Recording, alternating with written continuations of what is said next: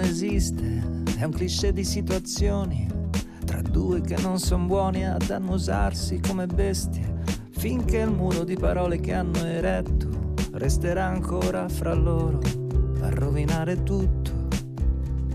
L'amore non esiste, è l'effetto prorompente di dottrine moraliste sulle voglie della gente, è il più comodo rimedio alla paura di non essere capaci rimanere soli. L'amore non ha casa, non ha un'orbita terrestre, non risponde a più banali meccanismi tra le forze, è un assetto societario in conflitto di interesse. L'amore non esiste. Ma esistiamo io e te. La nostra ribellione alla statistica. Un abbraccio per proteggerci dal vento. L'illusione ripetere col tempo. Io non ho la religiosa accettazione della fine. Potessimo trovare altri sinonimi del bene. L'amore non esiste, esistiamo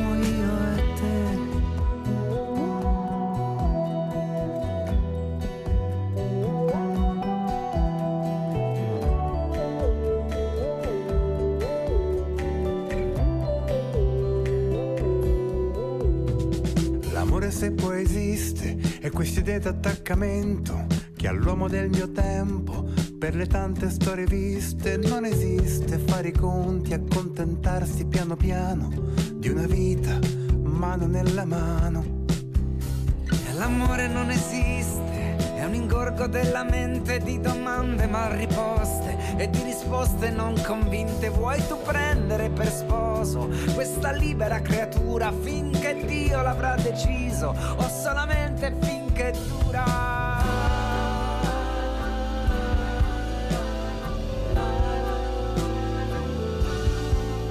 Ma esistiamo io e te e la nostra ribellione alla statistica, un abbraccio per proteggerci dal vento, l'illusione di competere col ci sappia raccontare.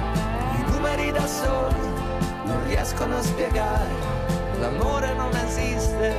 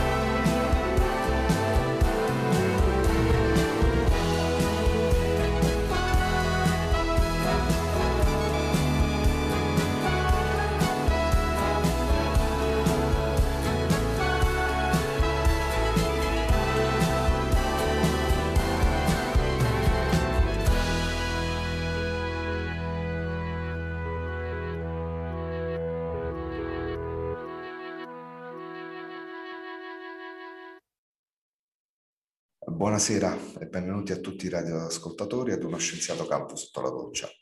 la trasmissione del palinsesto di Radio Onda Italiana dedicata alla scienza.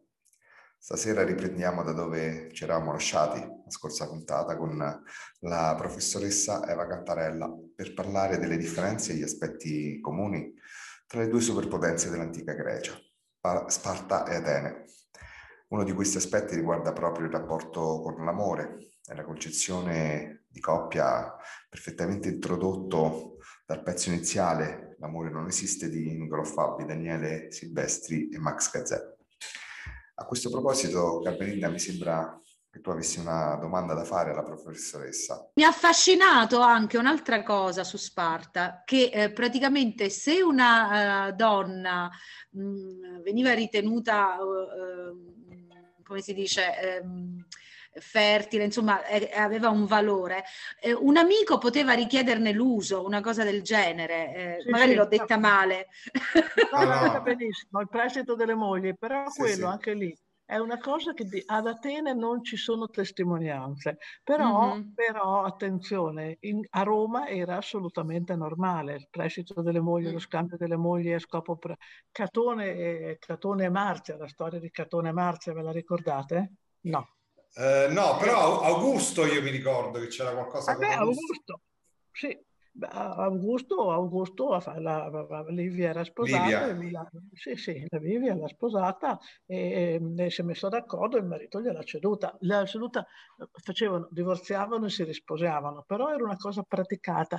Serviva molto anche a, a fini riproduttivi perché quando una donna, una coppia sposata da molto tempo, aveva magari avuto due, tre, quattro figli, quel che fosse, no? La moglie si sposava a 13-14 anni, era fertile ancora, però il marito poteva, non, non, ce la faceva a mantenere tutti questi figli, no? Quindi erano, non c'erano altri contraccettivi, tutte queste cose. E allora un sistema era anche cederla una, era favorito da Augusto questa cosa, perché serviva a, siccome c'era una grande crisi riproduttiva, già all'epoca di Augusto c'è un, questo problema che i romani, c'era un problema riproduttivo pare fosse legato al piombo che c'era dappertutto, nel vasellame, eccetera. Fatto mm. sta che e allora eh, questa, questa, concessione delle mogli, eh, la chiamano affitto, ma non è affitto, è molto diffuso a Roma. Non si tratta, ti dico, dico ad Atene non, non, una volta mi, mi, ero sicura di aver trovato una, un riferimento in qualche fonte, poi non l'ho più ritrovato, però nei, nei libri di storia non, non, c'è, non, c'è, non esiste questa cosa. Quindi l'utero in affitto ha origine storica a questo punto. Altro che. Eh sì, è come dice lei che guardare eh, al passato eh, ci dà la possibilità di capire tante cose del, del presente. E... Fortuna adesso di solito si, si, chiede il parere della moglie. Appunto. sì. invece, allora, no, invece allora no.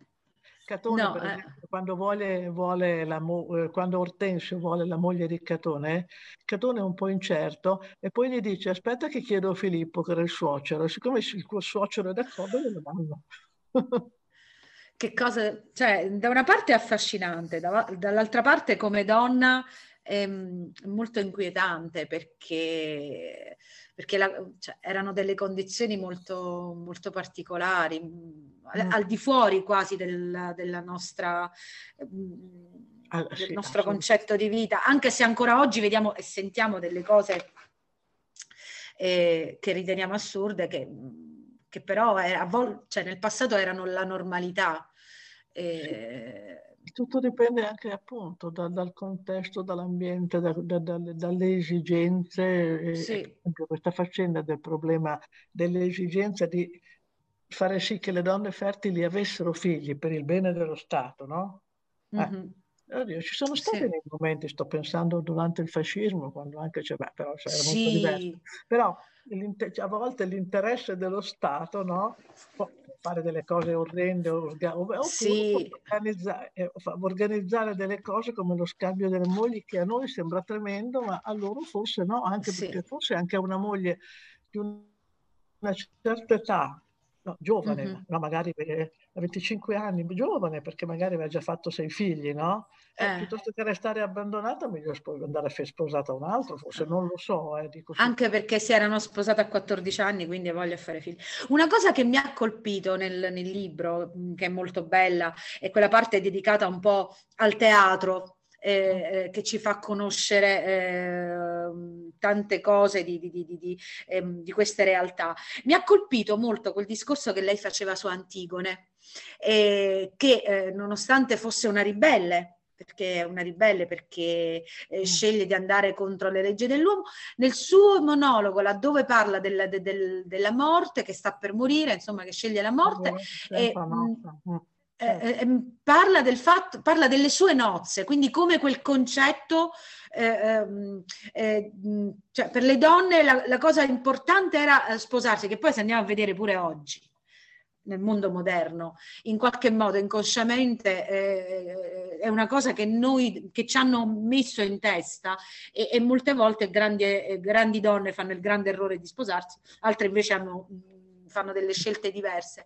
E, e, e che Antigone dica questa cosa, che, che questa, questa, malinconia su queste nozze perdute, l'ho trovata molto, molto affascinante. Sì, perché molto... è l'unica cosa per cui rimpiange di morire, perché se no lei non dice una parola, per esempio a me ha sempre colpito una cosa, non dice una parola per il fidanzato.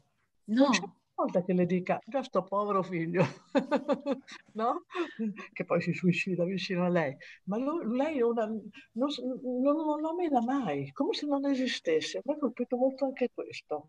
E forse perché era un rapporto destinato alla filia e non all'eros. Ma eh, allora però il matrimonio, il matrimonio si sapeva che era destinato alla filia con chiunque, uh-huh. no? Non è, eh, quindi uh-huh. il suo fidanzato. Non so, però, era un tipo un po' così, aveva delle contraddizioni secondo me Antigone, perché proprio mm-hmm. voleva morire, cioè, voleva, ha voluto in tutti i modi. Insomma, sì. la, prima volta, la prima mm-hmm. volta quando vanno a, dire, vanno a dire a Creonte che qualcuno ha cercato di, di ha gettato qualche manciata di sabbia sul, sul canale, uh-huh. no? Eh, uh-huh. Lui dice, va bene, andate adesso e prendetelo.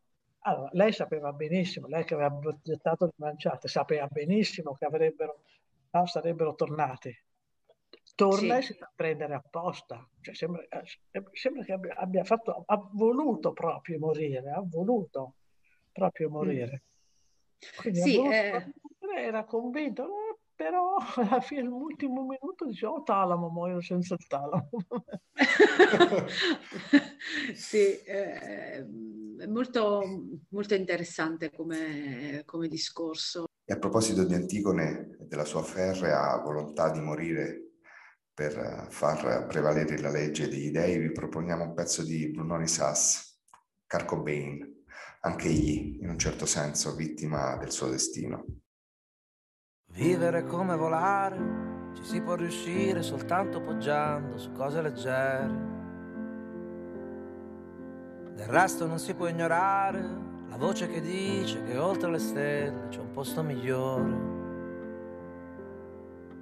E un giorno qualunque ti viene la voglia di andare a vedere, di andare a scoprire se è vero. Che non sei soltanto una scatola vuota o l'ultima ruota del carro più grande che c'è.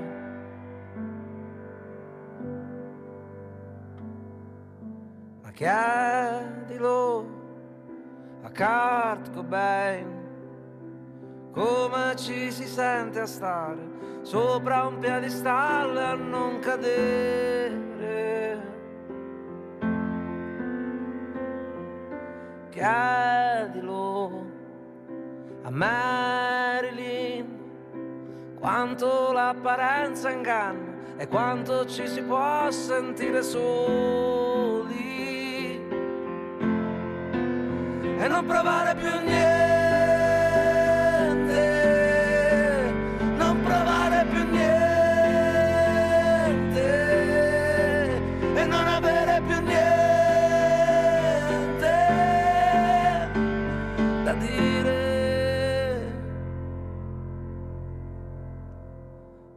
Vivere come nuotare, ci si può riuscire soltanto restando sul pelo del mare D'altronde non si può tacere, la voce che dice che in fondo a quel mare c'è un mondo migliore. E proprio quel giorno ti viene la voglia di andare a vedere, di andare a scoprire se è vero. Che il senso profondo di tutte le cose lo puoi ritrovare soltanto guardandoti in fondo.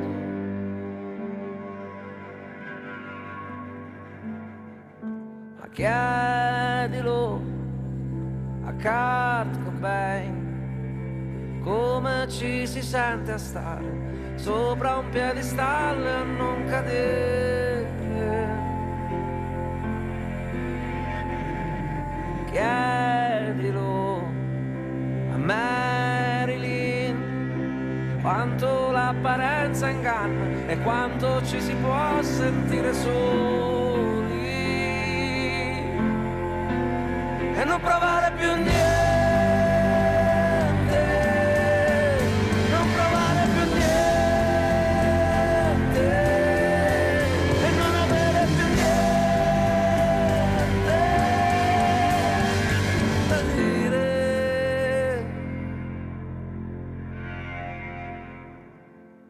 Vivere come sognare, ci si può riuscire spegnendo la luce e tornando a dormire.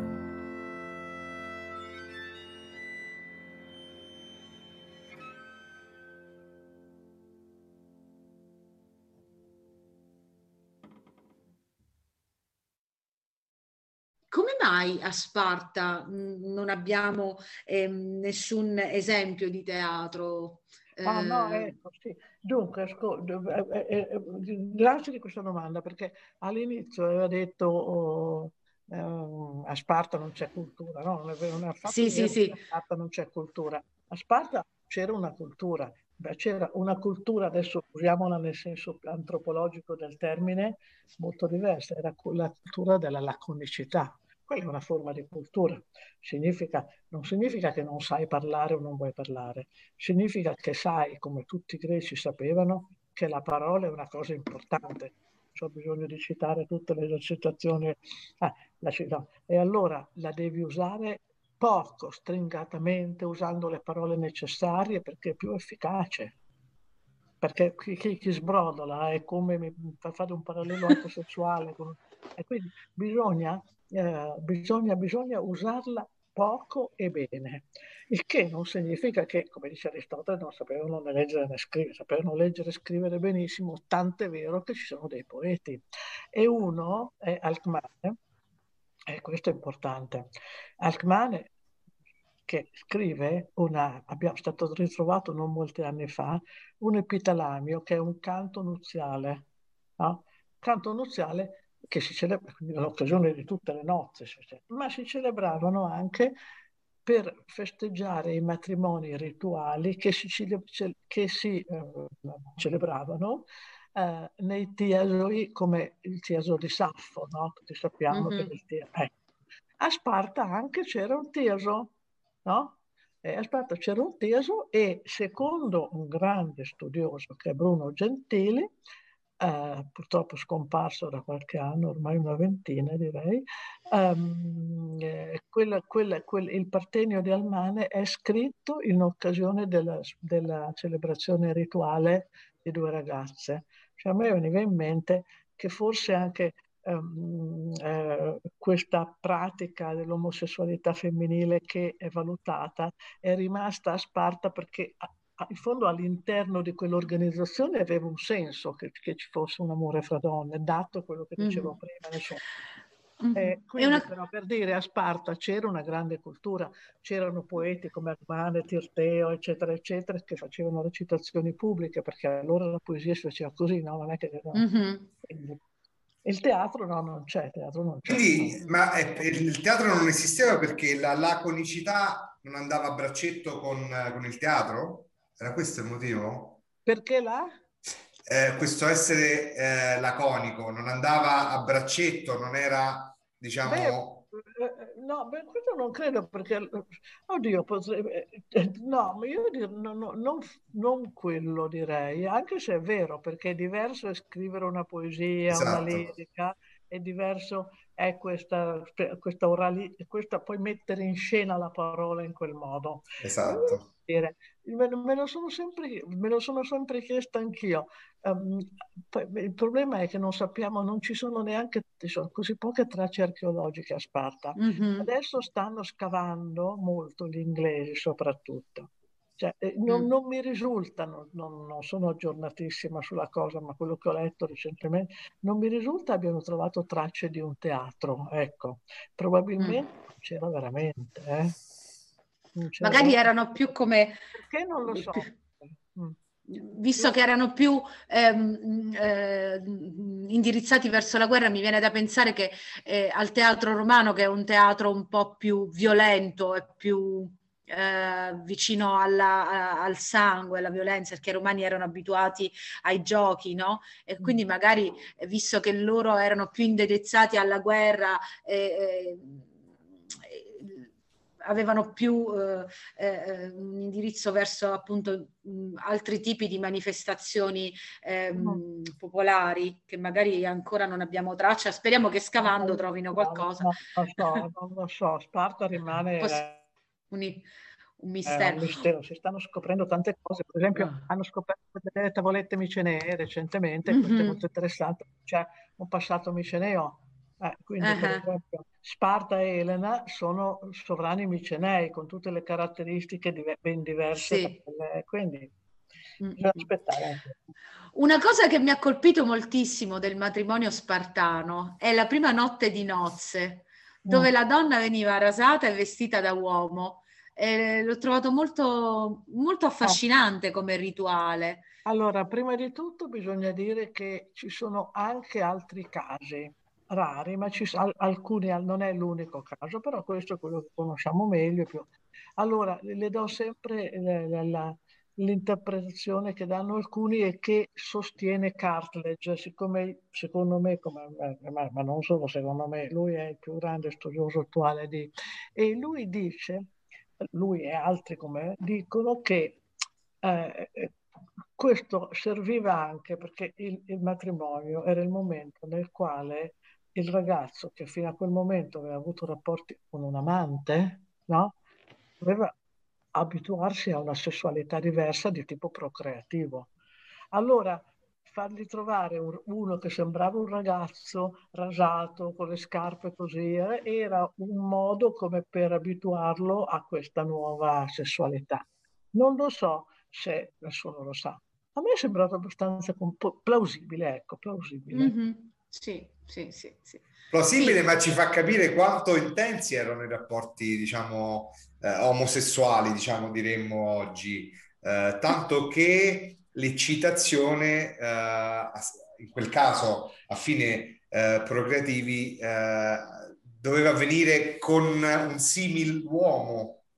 E eh beh, ma se, se, fino a quel momento era l'unica certo. Avuto che doveva fare certo. certo. di fronte a un essere così diverso.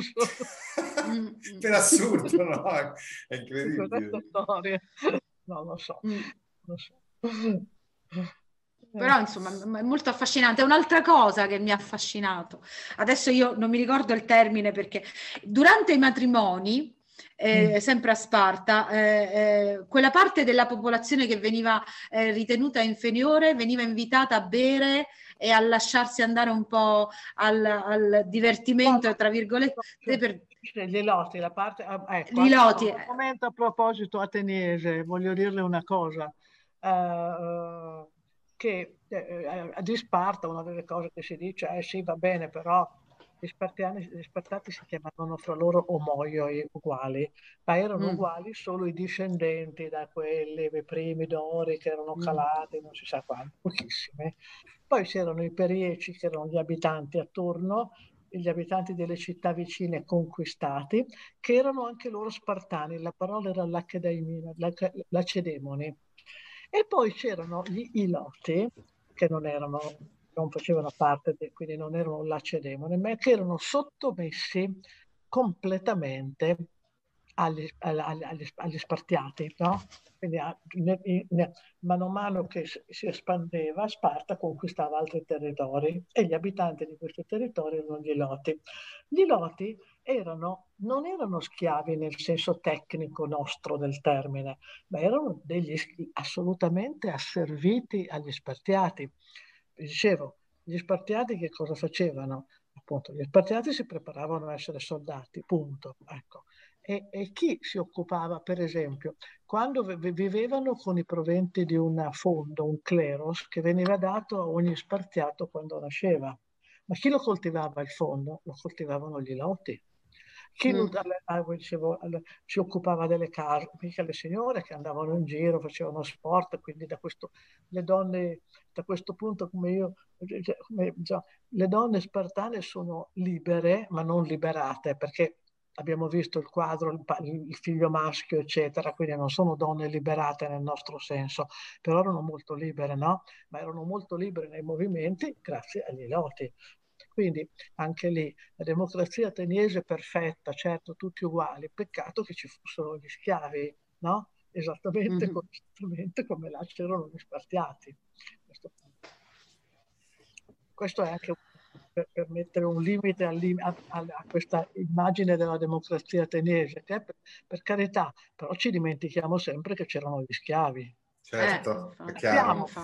Però ci, ci, dimentichiamo che quelli potevano fare tutte quelle cose bellissime che Pericle mm. dice, dedicarsi eh, perché avevano gli schiavi quanto sono stati importanti in effetti, loro malgrado, gli schiavi nel realizzare tutto ciò per cui ancora oggi ricordiamo popoli antichi come i greci e i romani.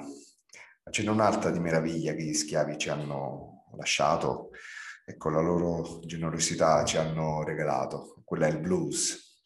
Quindi vi lascio ad un pezzo iconico della storia del blues intitolato Red House di Jimi Hendrix.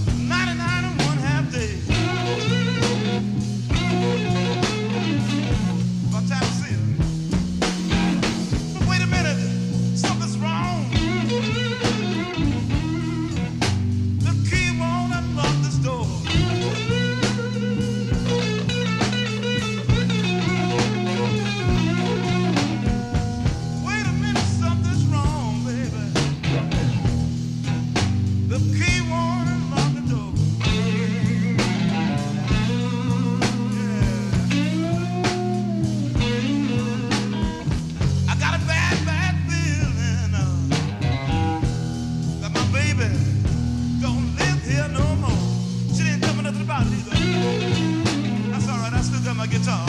Look out, baby.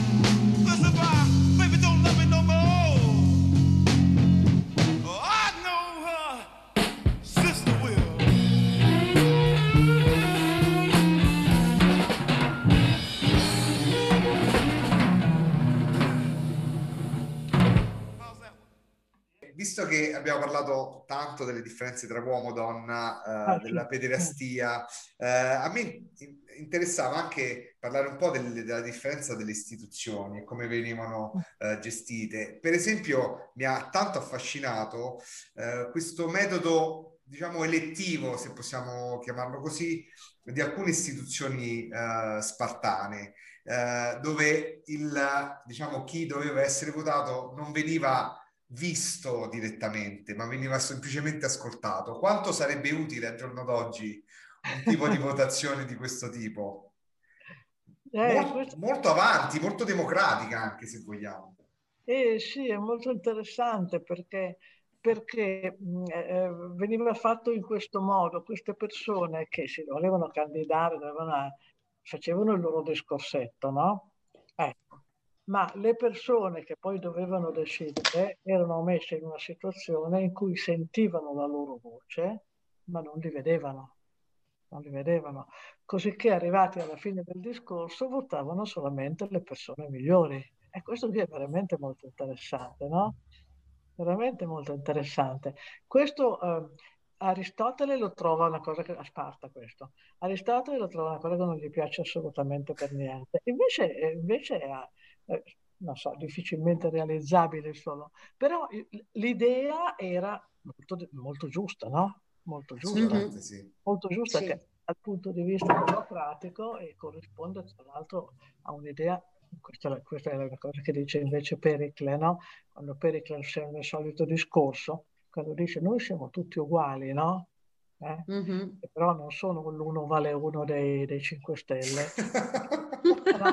Noi, noi siamo tutti uguali, siamo tutti, ma siamo tutti uguali, siamo tutti uguali. Ma poi dice, ma nel momento in cui bisogna scegliere quelli che eh, loro chiamavano, insomma, c'è una parola di quelli che devono, quelli che devono ricoprire delle cariche pubbliche, Arcon, gli Arcontes, da, ar, da, sì. che comandano, e allora scegliamo i migliori, vogliamo che siano i più preparati e i migliori. Certo. Eh. Quindi, per esempio, l'idea piace uh-huh. ateniesi, però siccome la, la, la facevano a Sparta, su quello deve dire che non va bene, che era laborioso, che non andava tanto bene. Uh-huh. Per esempio, una cosa che mi ha sempre affascinata e colpita, eh, Aristofane nelle, nelle, sue commedie, eh, distrugge, demolisce sempre la politica della città, ce l'ha sempre, eh, mi colpiva sempre Cocclistene, ce l'aveva. E, e, e quindi Beh, tutta sì, questa... Vabbè, ma, eh, vabbè, ma scusi, ma, ma, lui vive, vive, ma vive al tempo di Cleone. Mm-hmm. Eh. Aristofane? Sì. sì. Eh, eh, Aristofane si trova a avere a che fare con Cleone, tant'è vero che è sempre l'oggetto, no? Cleone...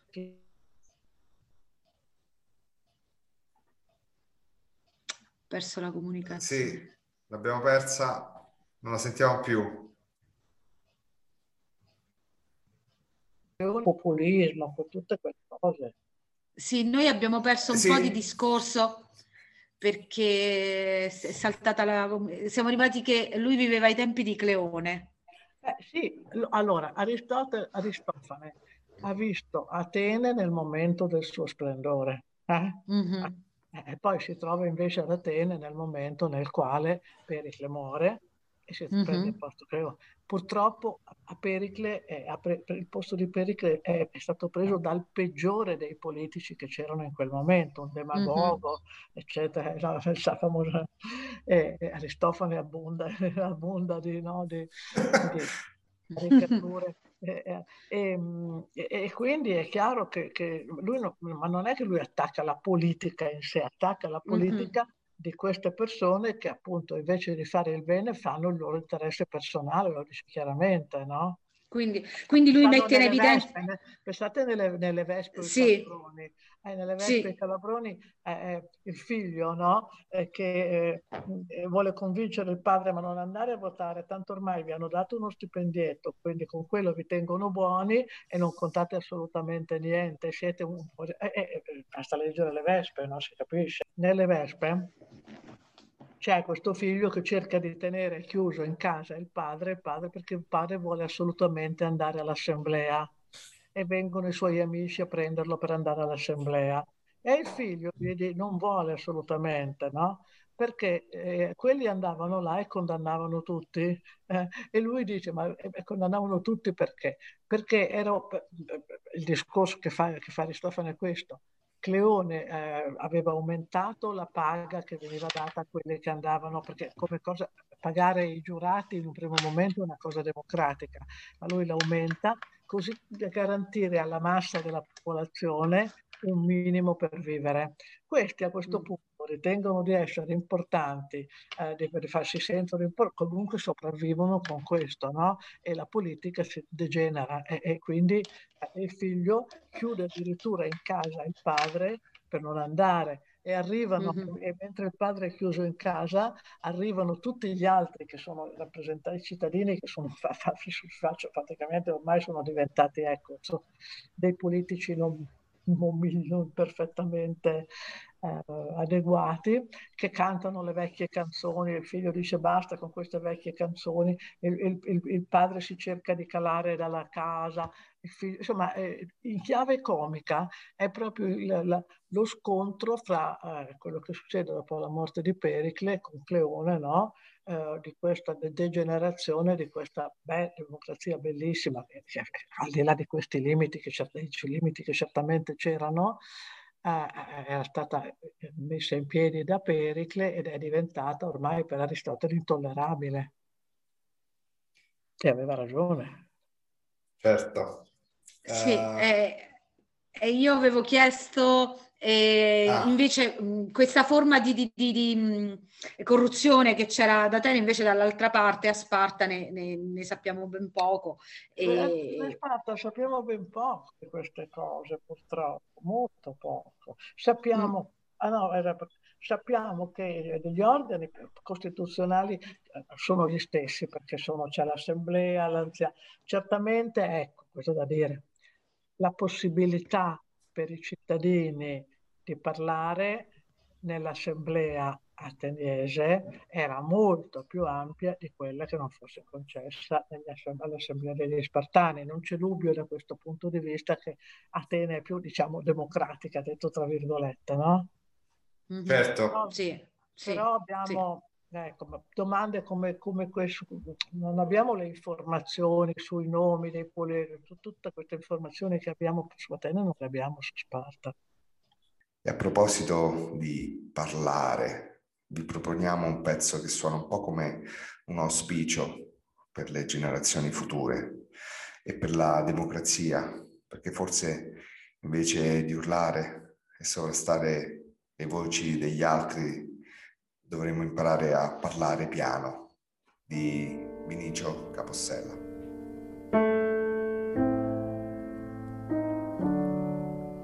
Parla piano e poi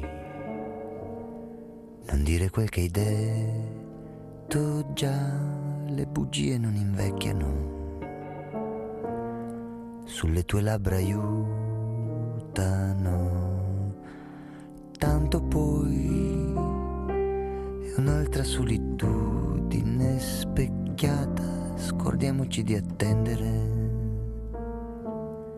il volto per rimpiangere.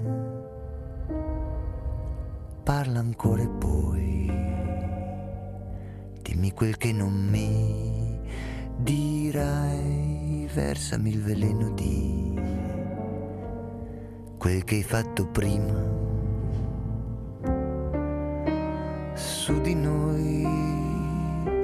Il tempo ha già giocato, ha già scherzato, ora non rimane che provare la verità che ti dà, che ti dà, nascondere negli angoli.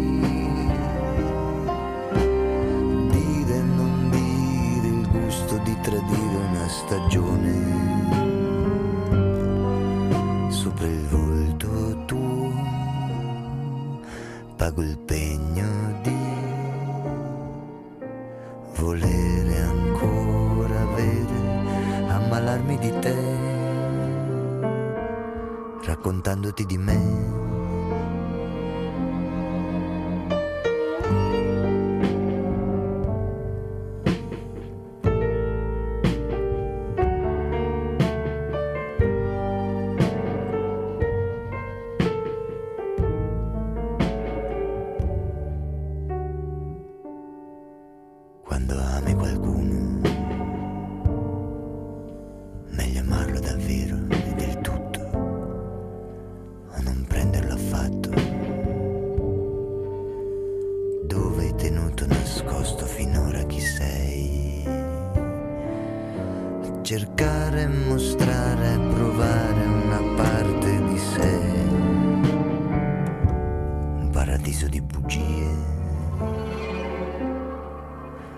Verità non si sa, non si sa come riconoscerla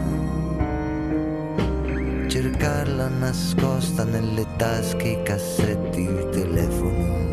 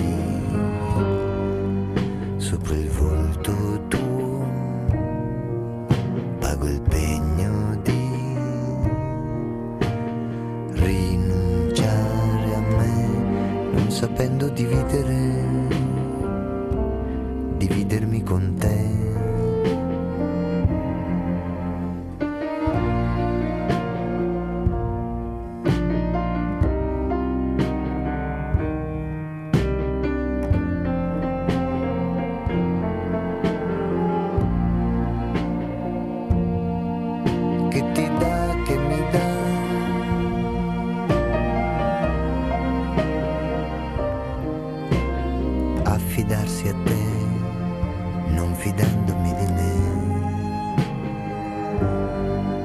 Sopra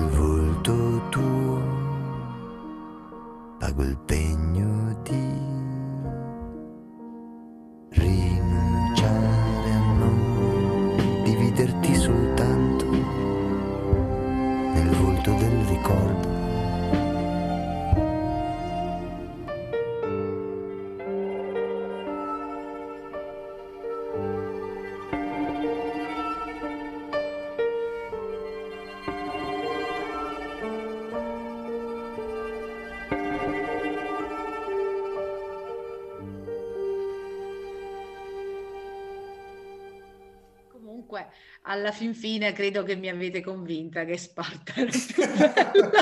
No, no, no, no, no, no, no, perché io non sono convinta neanche io. Eh.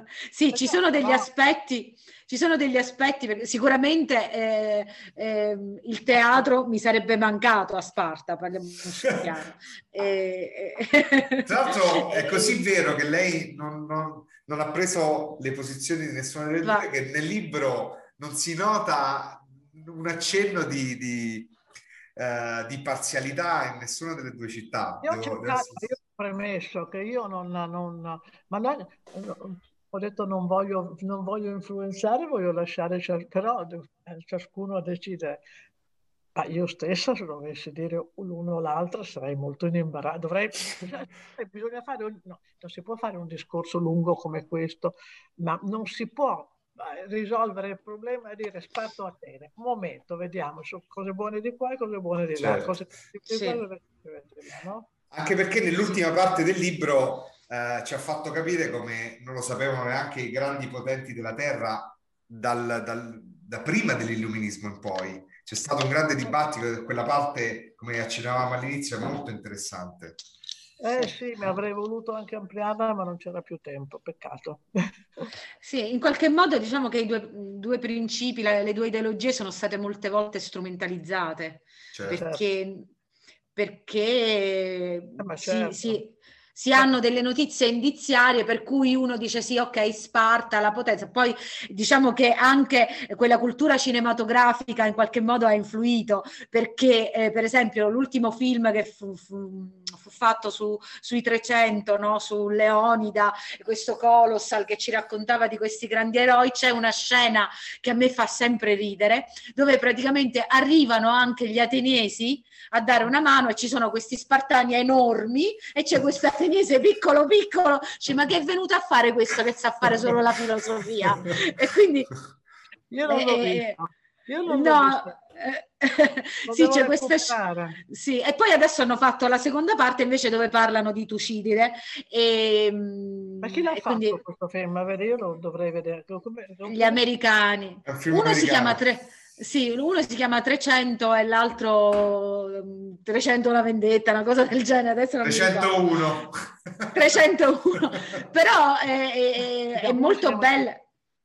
Sì, è 300, 300 è il, il, primo dove racconta proprio la storia di Leonida, che è anche molto mitizzato perché c'è questo momento in cui lui va a parlare in questa montagna con ah, queste sì, tre, eh, tre, streghe, quindi come, e, e, racconta anche che in qualche modo la politica di, di, di Sparta fosse eh, controllata dalla magia, da una parte magica, da, da una parte... Eh, di, di, erano molto religiosi loro. Sì, sì, sì, e questo, questo è per esempio un aspetto che, che, mm, che io non, non, non sapevo che, che, gli spartani fossero così religiosi e così legati eh, a quella parte mistica anche della, eh, della religione. E quindi sì, eh, viene tutto un po' sempre strumentalizzato. Per esempio, l'altro ieri ho letto che in, un, in un'università in America eh, stanno eliminando completamente lo studio di una parte della, eh, della cultura antica greca perché ritengono che sia maschilista. Vabbè, perché, perché gli americani sono cretini, diciamocelo. non tutti naturalmente, no? Quelli non tutti. Fanno... Sì. sì. sì, sì, sì, Ieri ho letto addirittura che è diventato eh, il bacio di Bia- Biancaneve e del principe, è diventato un atto di violenza. Vabbè, stiamo andando vabbè, oltre, vabbè, eh, basta, oltre il seminato. Sì, Ma sì, sta diventando... di cui parlava Carmelinda? Adesso non mi ricordo, l'ho pubblicato, però magari poi le mando un messaggio e le faccio sì, vedere la, l'articolo. Va bene, sì, sì, sì. Infatti ho detto, eh, a proposito, leggete il libro della professoressa Cantarella. ho messo come, di... come allora, indicazione perché... Penso che la professoressa debba scappare perché ha un treno a brevissimo, sì, quindi, la, quindi, quindi la, la salutiamo e professoressa Grazie. la ringraziamo tantissimo di questo nuovo incontro e della pro- promessa che ha, ha, che ha, mantenuto a tornare. Ci aveva fatto anche un'altra promessa e spero la manterrà, quella di venire ad Amsterdam, quando sarà possibile chiaramente. Quando sarà possibile. Comunque noi quest'estate, professoressa, eh, forse siamo con il nostro gruppo teatrale a, in Sicilia, portiamo la Medea di Seneca, quindi speriamo che magari le, eh, eh, nel periodo eh, o la terza o la quarta settimana di luglio durante la manifestazione 3 drammi 3 che viene fatta a Ragusa. Sì, io, io, ci sarò, non so se nella terza o una delle due settimane ci sono di sicuro. Fatemi Perfetto. Quindi se noi siamo lì, magari lei non potrà venire a Ragusa, però magari la raggiungiamo a Siracusa e, e ci facciamo due chiacchiere magari a Piazza Duomo vivo. davanti a una buona... Va bene. Grazie, grazie a lei. Arrivederci, grazie. Arrivederci. No, grazie. Arrivederci, grazie. Grazie, arrivederci. E ora vi lasciamo con uh, un pezzo, uh, diciamo, uh, un pezzo greco e Carmelinda leggerà un coro dell'Antigone. Su che cos'è il coro, Carmelinda? E il coro dell'Antigone è praticamente il coro di, in cui si parla della meraviglia dell'uomo. Quindi quanto, quanto sia meraviglioso l'uomo che in qualche modo eh, la professoressa accennava nel libro di questo coro, quindi mi è sembrato appropriato eh, chiudere così.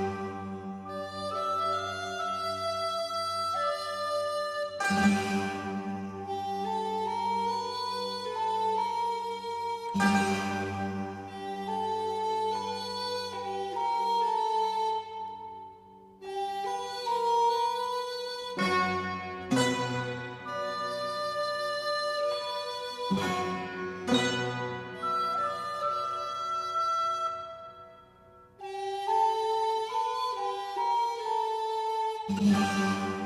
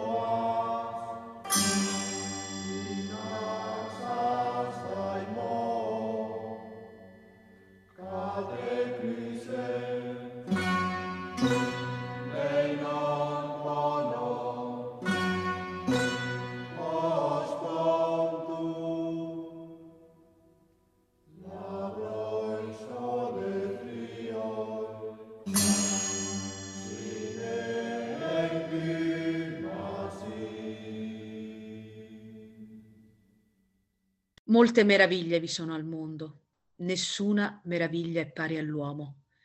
Quando il vento del sud soffia in tempesta, varca il mare bianco di schiuma e penetra fra i gorghi ribollenti. Anno dopo anno rivolge con l'aratro trainato dai cavalli la più grande fra le divinità, la terra, infaticabile, immortale. E gli uccelli spensierati, gli animali selvatici, i pesci che popolano il mare, tutti li cattura, nelle insidie delle sue reti ritorte.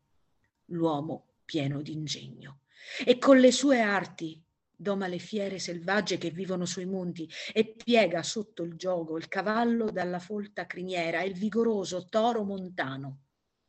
Ha preso la parola e il pensiero veloce come il vento e l'impegno civile ha imparato a mettersi a riparo dai morsi del gelo e dalle piogge sferzanti pieno di risorse, mai sprovvisto di fronte a ciò che lo attende. Ha trovato il rimedio a mali irrimediabili solo alla morte non può sfuggire. Padrone assoluto dei sottili segreti della tecnica, può fare il male quanto il bene. Se rispetta le leggi del suo paese e la giustizia degli dei, come ha giurato, nella città sarà considerato grande, ma ne sarà cacciato se per arroganza lascerà che il male lo contamini. Spero che un simile individuo non si accosti al mio focolare, non condivida i miei pensieri.